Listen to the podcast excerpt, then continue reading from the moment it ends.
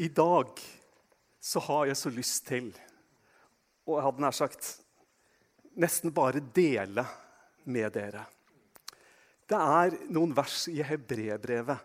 Jeg syns det er vanskelige vers. Og det er det.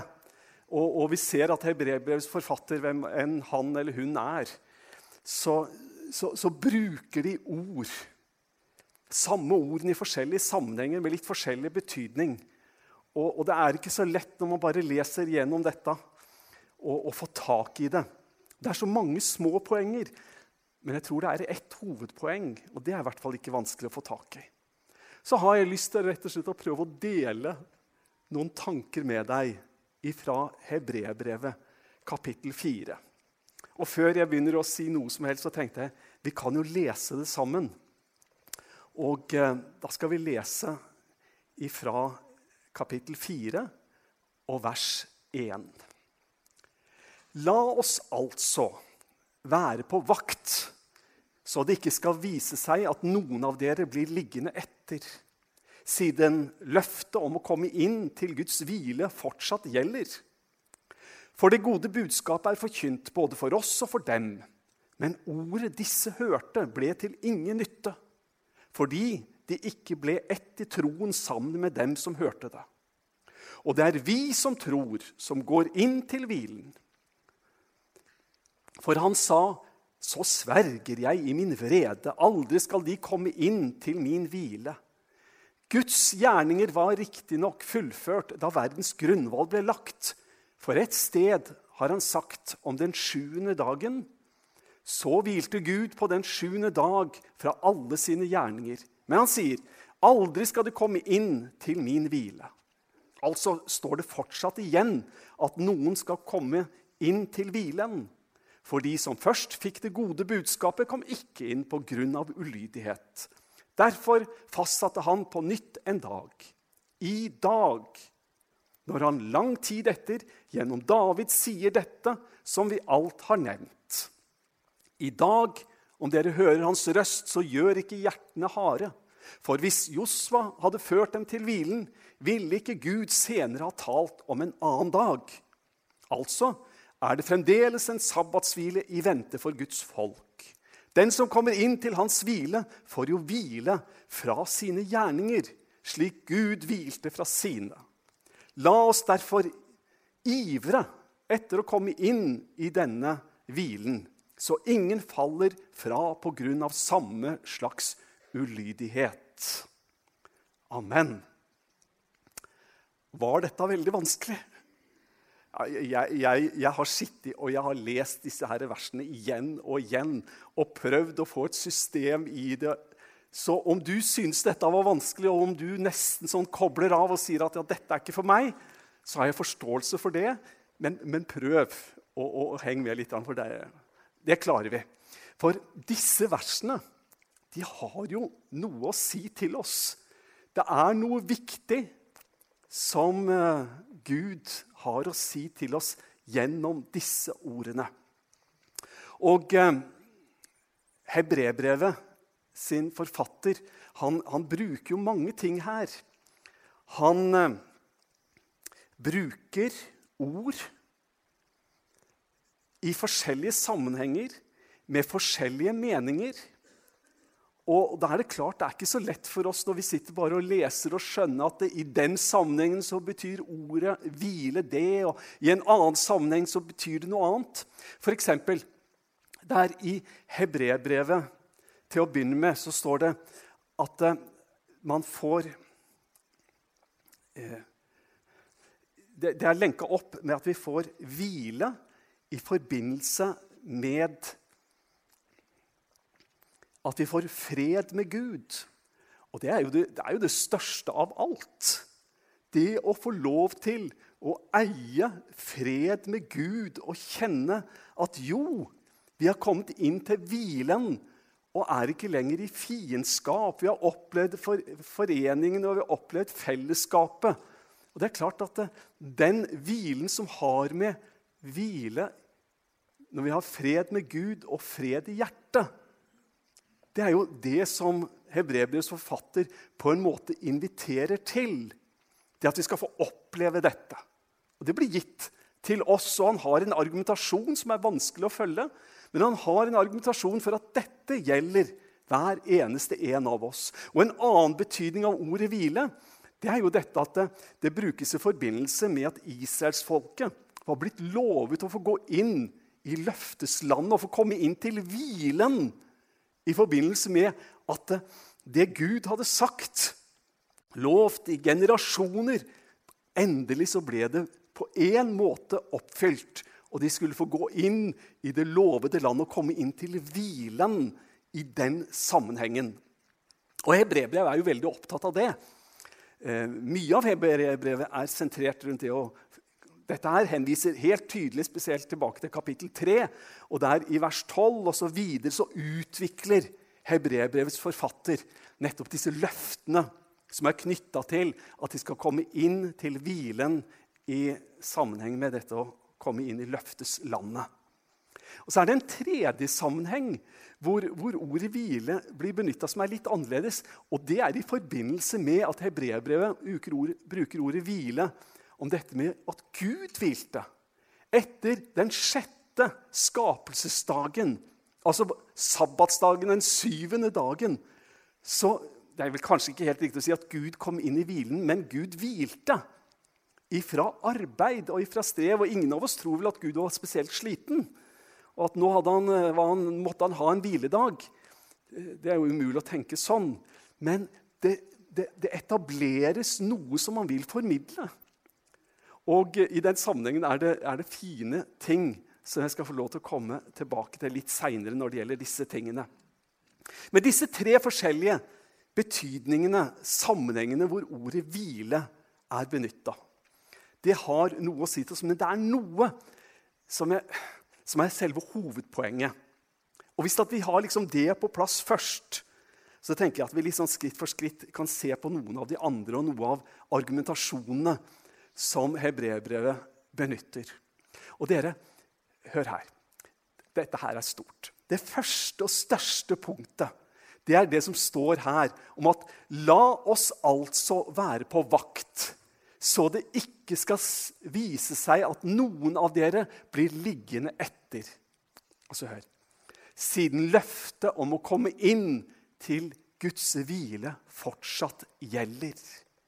Og jeg tror det er, det er liksom hovedpunktet som Hebreerbrevets forfatter vil ha leserne til å forstå. Og det er at løftet gjelder fortsatt.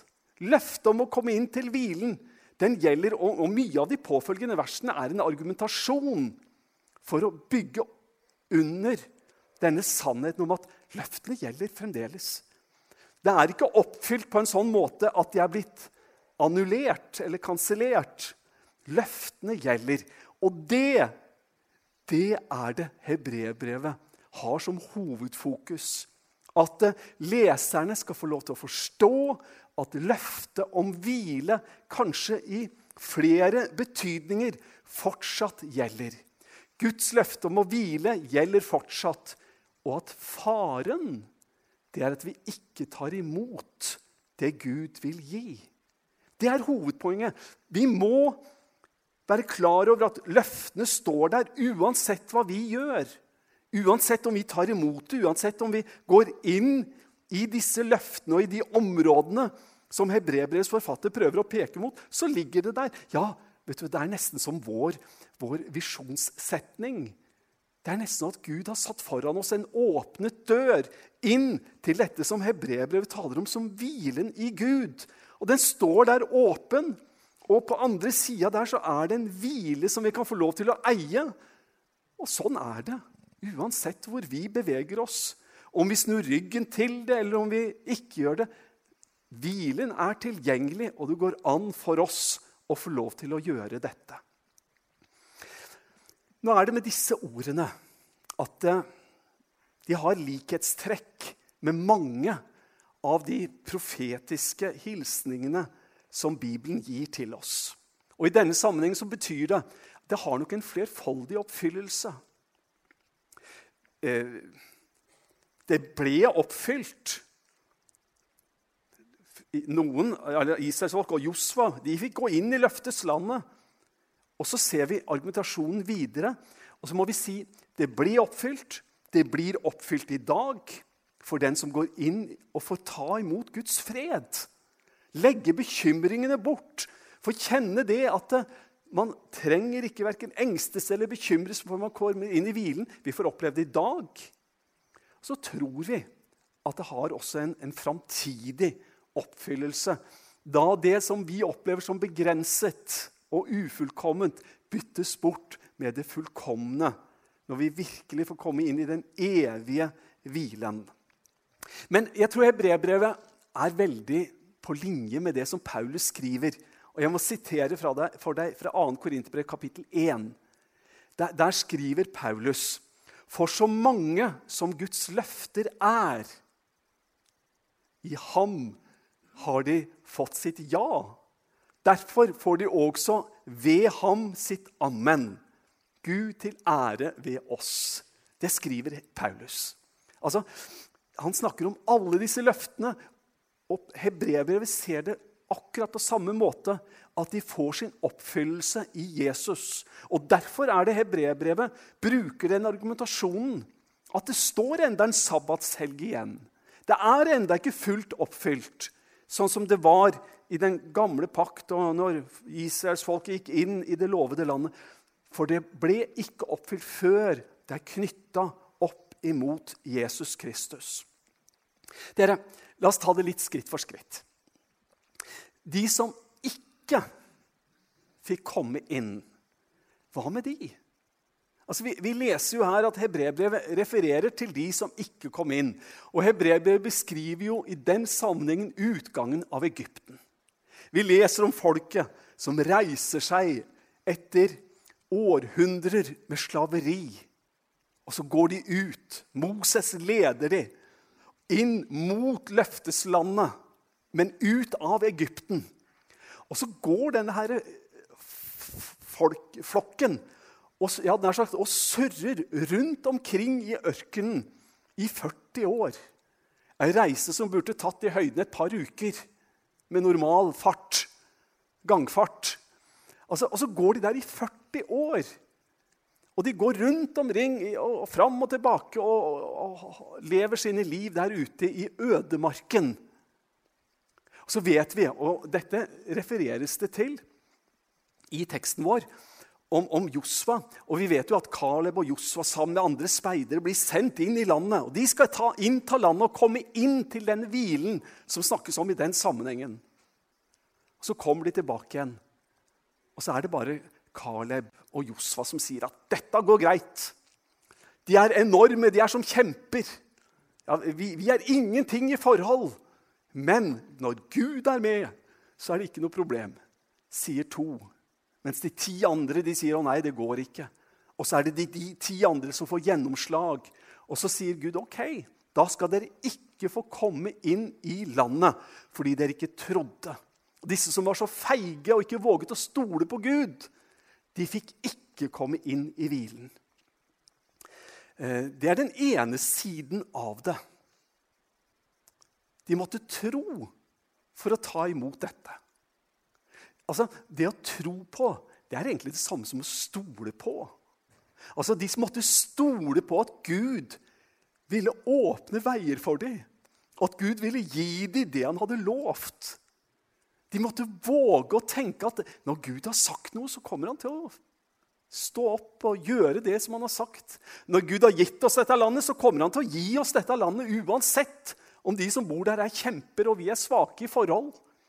Man måtte stole på Gud. Men de som ikke stolte, de fikk ikke del i denne hvilen. Dere kjære, gode medvandrere. Jeg har så lyst til å oppmuntre deg og meg til å stole på Gud. I dag. Og, og våge, og våge å, å hvile i at Gud tar seg av oss.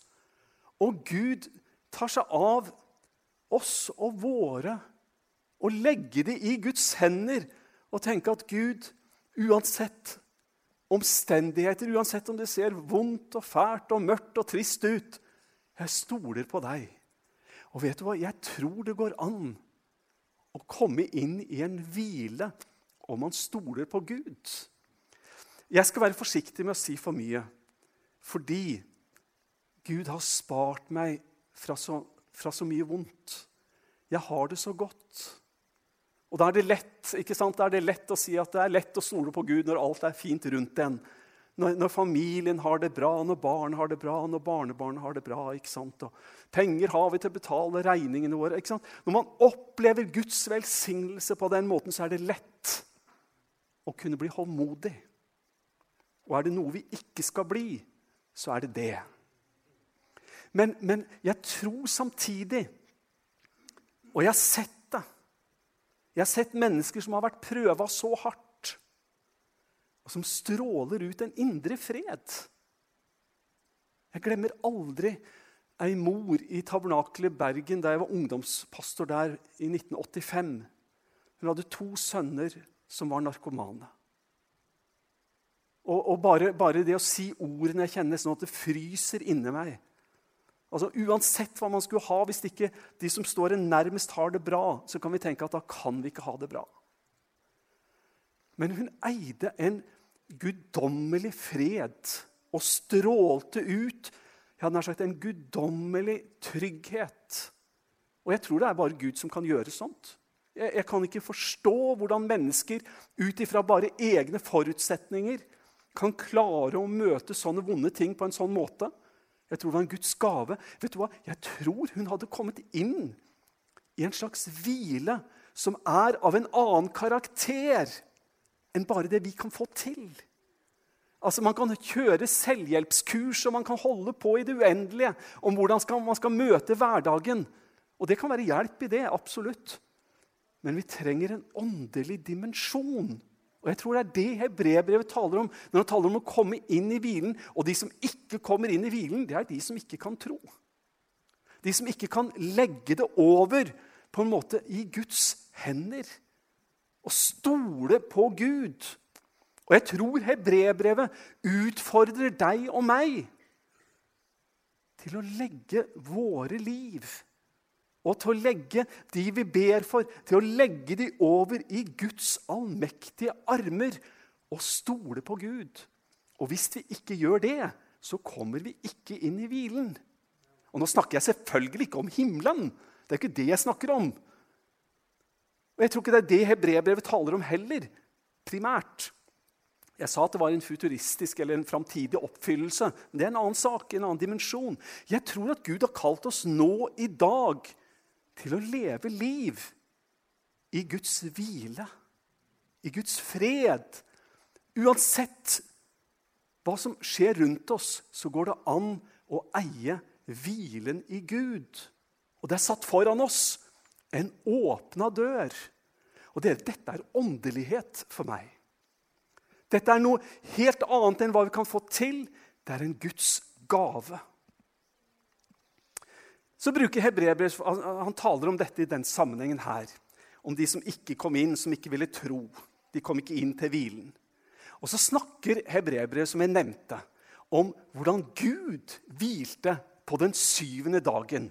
Og nå benytter jo, eller bruker Hebreerbrevets forfatter dette ordet i en helt annen sammenheng. Helt annen sammenheng. Og bakgrunnen Det er en veldig vakker fortelling om hvordan rabbinerne tolka dette med skapelsesfortellingen.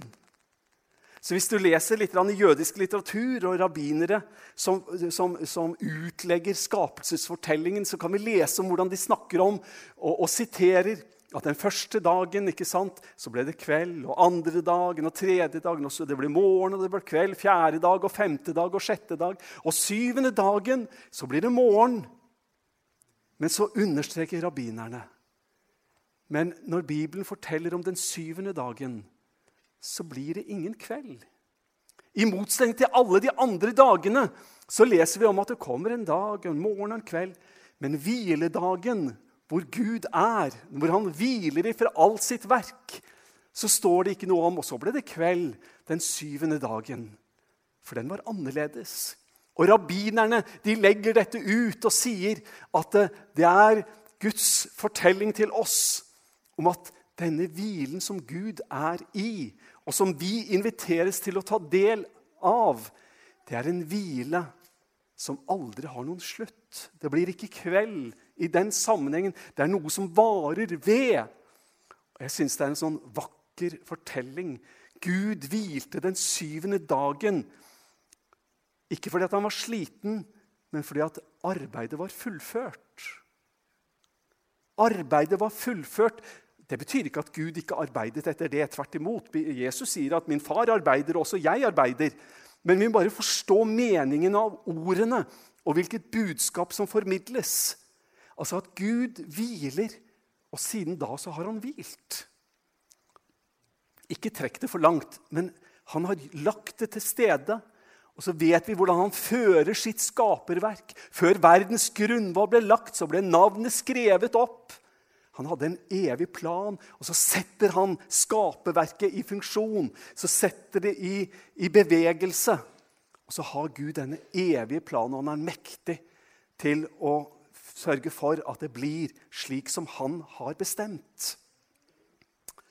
Og Så holder Hebrebrevs forfatter på med det. Men så har han jo et form for argument. Eh, la, la, oss se her på den tredje. På nytt går han tilbake til bildet med det lovede landet. Og så er det noe mer som kommer her. Han har dette argumentet som, som han sier at, det, at det, egentlig så, så, kom de jo inn i landet. Han sier at Josva førte folket inn. Så da kan man jo tenke at ja, nei, nå er løftet oppfylt. Og Så kommer den argumentasjonen som er vanskelig å få tak i med en gang. Men han sier jo, han siterer fra Davids salme, det står i Salme 95. Og Så sier han da at det der, der så leser vi jo om hvordan David på en måte inviterer David skriver der at han hører hvordan Gud sier, 'Si til folket at hvis de ikke forherder sine hjerter, så kan de komme inn til hans hvile.' Altså, det er en invitasjon som David kommer med mange hundre år etter at Josva førte folket inn til hvilen med tanke på landet for de, generasjon, de generasjonene som fikk lov til å komme inn, som ikke hadde vært vantro. Eh, altså Flere hundre år etter der, så kom det en ny invitasjon. At hvis dere ikke forherder hjertene deres, så skal dere få komme inn i hvilen. Og Det er argumentet som hebreerne bruker. Og sier at da er det jo helt tydelig, det er jo helt klart. Da må det være en hvilens dag der framme. Da, da, ble det ikke oppfylt ved at Josfa førte folket inn. I alle fall så ble det ikke oppfylt på en slik måte at det annullerte det framtidige som folket skulle få vandre inn i. Det var noe som lå der. Og så ser vi hvordan hebreerbrevet lager et fokus. Han lager et fokus på i dag.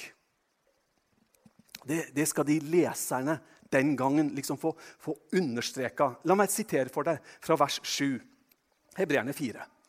Derfor fastsetter han på nytt en dag, i dag, når han lang tid etter gjennom David sier dette som vi alt har nevnt i dag, om dere hører hans røst, så gjør ikke hjertene harde. I dag I dag Altså nå. Det er ikke for seint.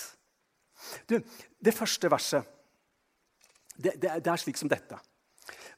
La oss altså være på vakt, så det ikke skal vise seg at noen av dere blir liggende etter, siden løftet om å komme inn til Guds hvile fortsatt gjelder.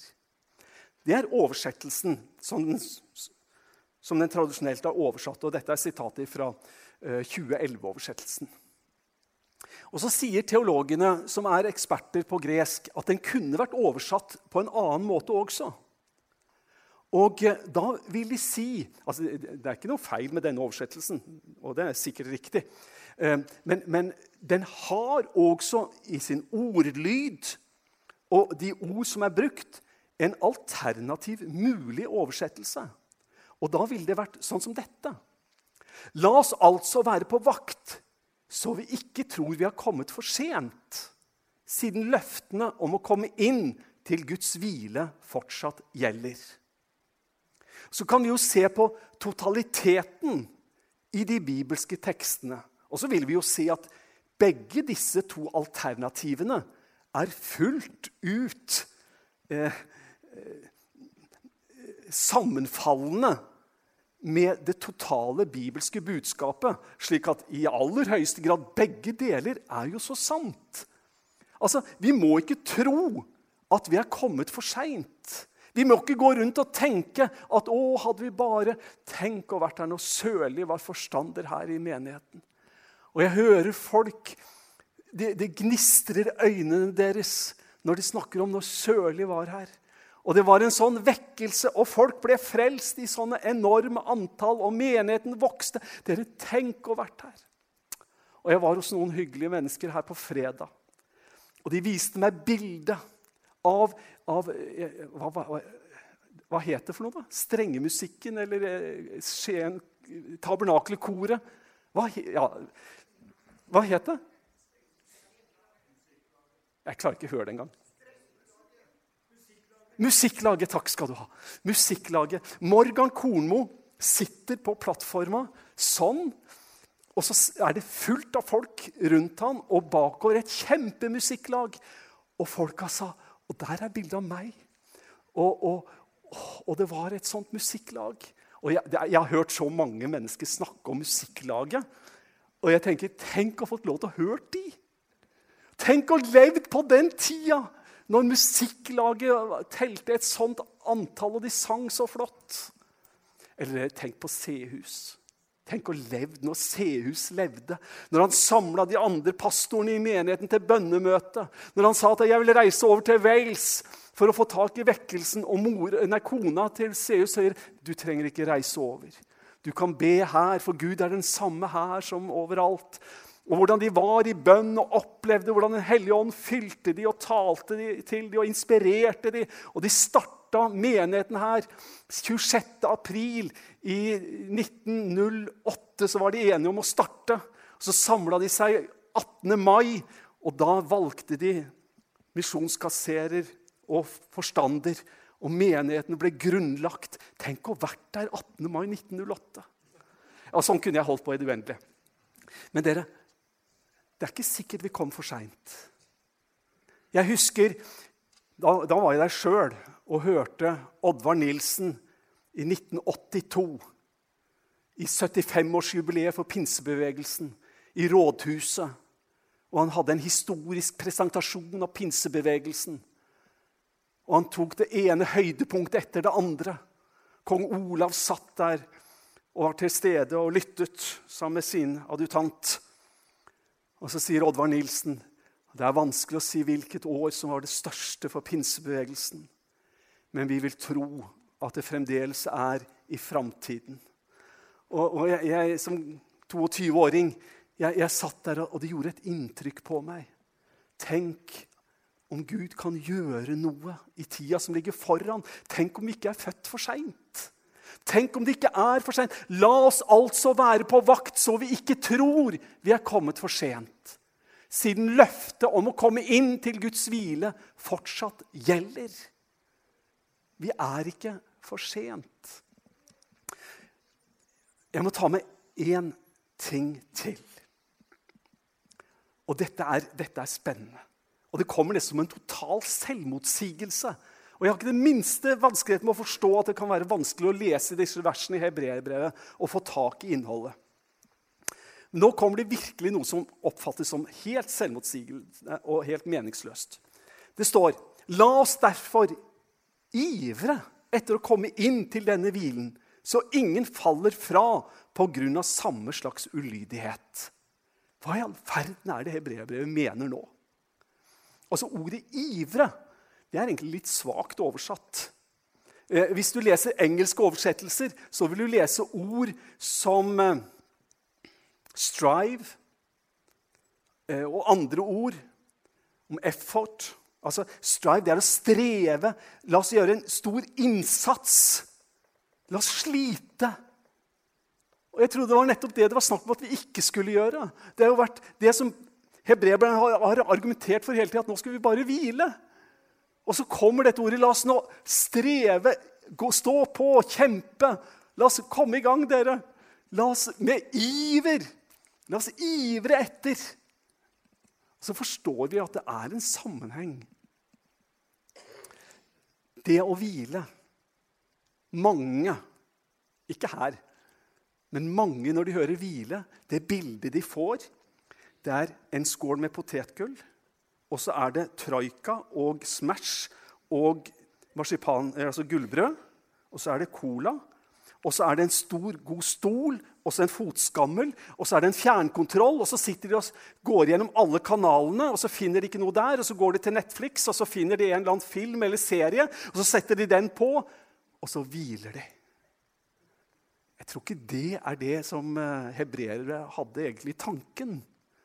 Men det er en hvile hvor vi skal på en måte forstå at samtidig som Gud har gjort alt, så må vi ta noen trosskritt.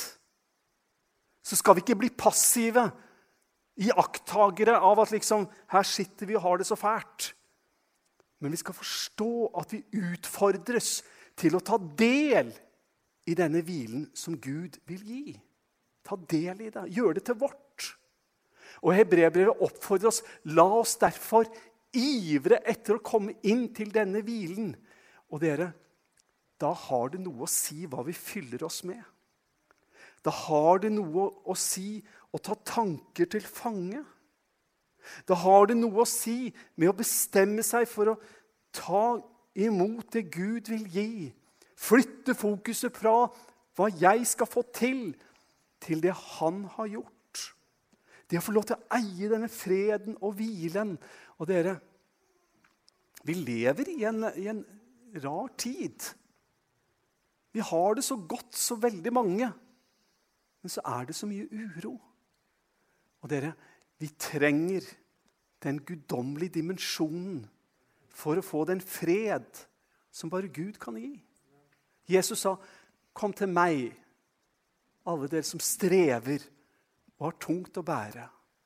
Og jeg vil gi dere hvile. Det er den som vi må ta imot. Må Gud velsigne deg, kjære, gode venn, søster og bror. Må Gud velsigne oss alle til å kaste våre bekymringer på Han. Til å stole på at Han som har begynt den gode gjerning, han er mektig til å fullføre den. Til å gå inn i den hvilen, gå inn gjennom den døra som Gud har satt vid åpen for oss. For løftet, det gjelder enda. Det ble ikke oppfylt og annullert og det er ikke noe som bare dreier seg om én gang når Jesus kommer. Men vi skal få leve våre liv her under skiftende tider og kår og i medgang og motgang. Vi skal kunne leve våre liv her på jord i dag med den hvile som bare Gud kan gi. Vi gjør Guds ord urett hvis vi tror at dette bare har med evighetstilstanden å gjøre. Det er gitt til oss som en trøst og veiledning for hvordan vi skal leve våre liv i dag og i morgen, og så lenge vi er her til huset. Gud velsigne deg. Amen.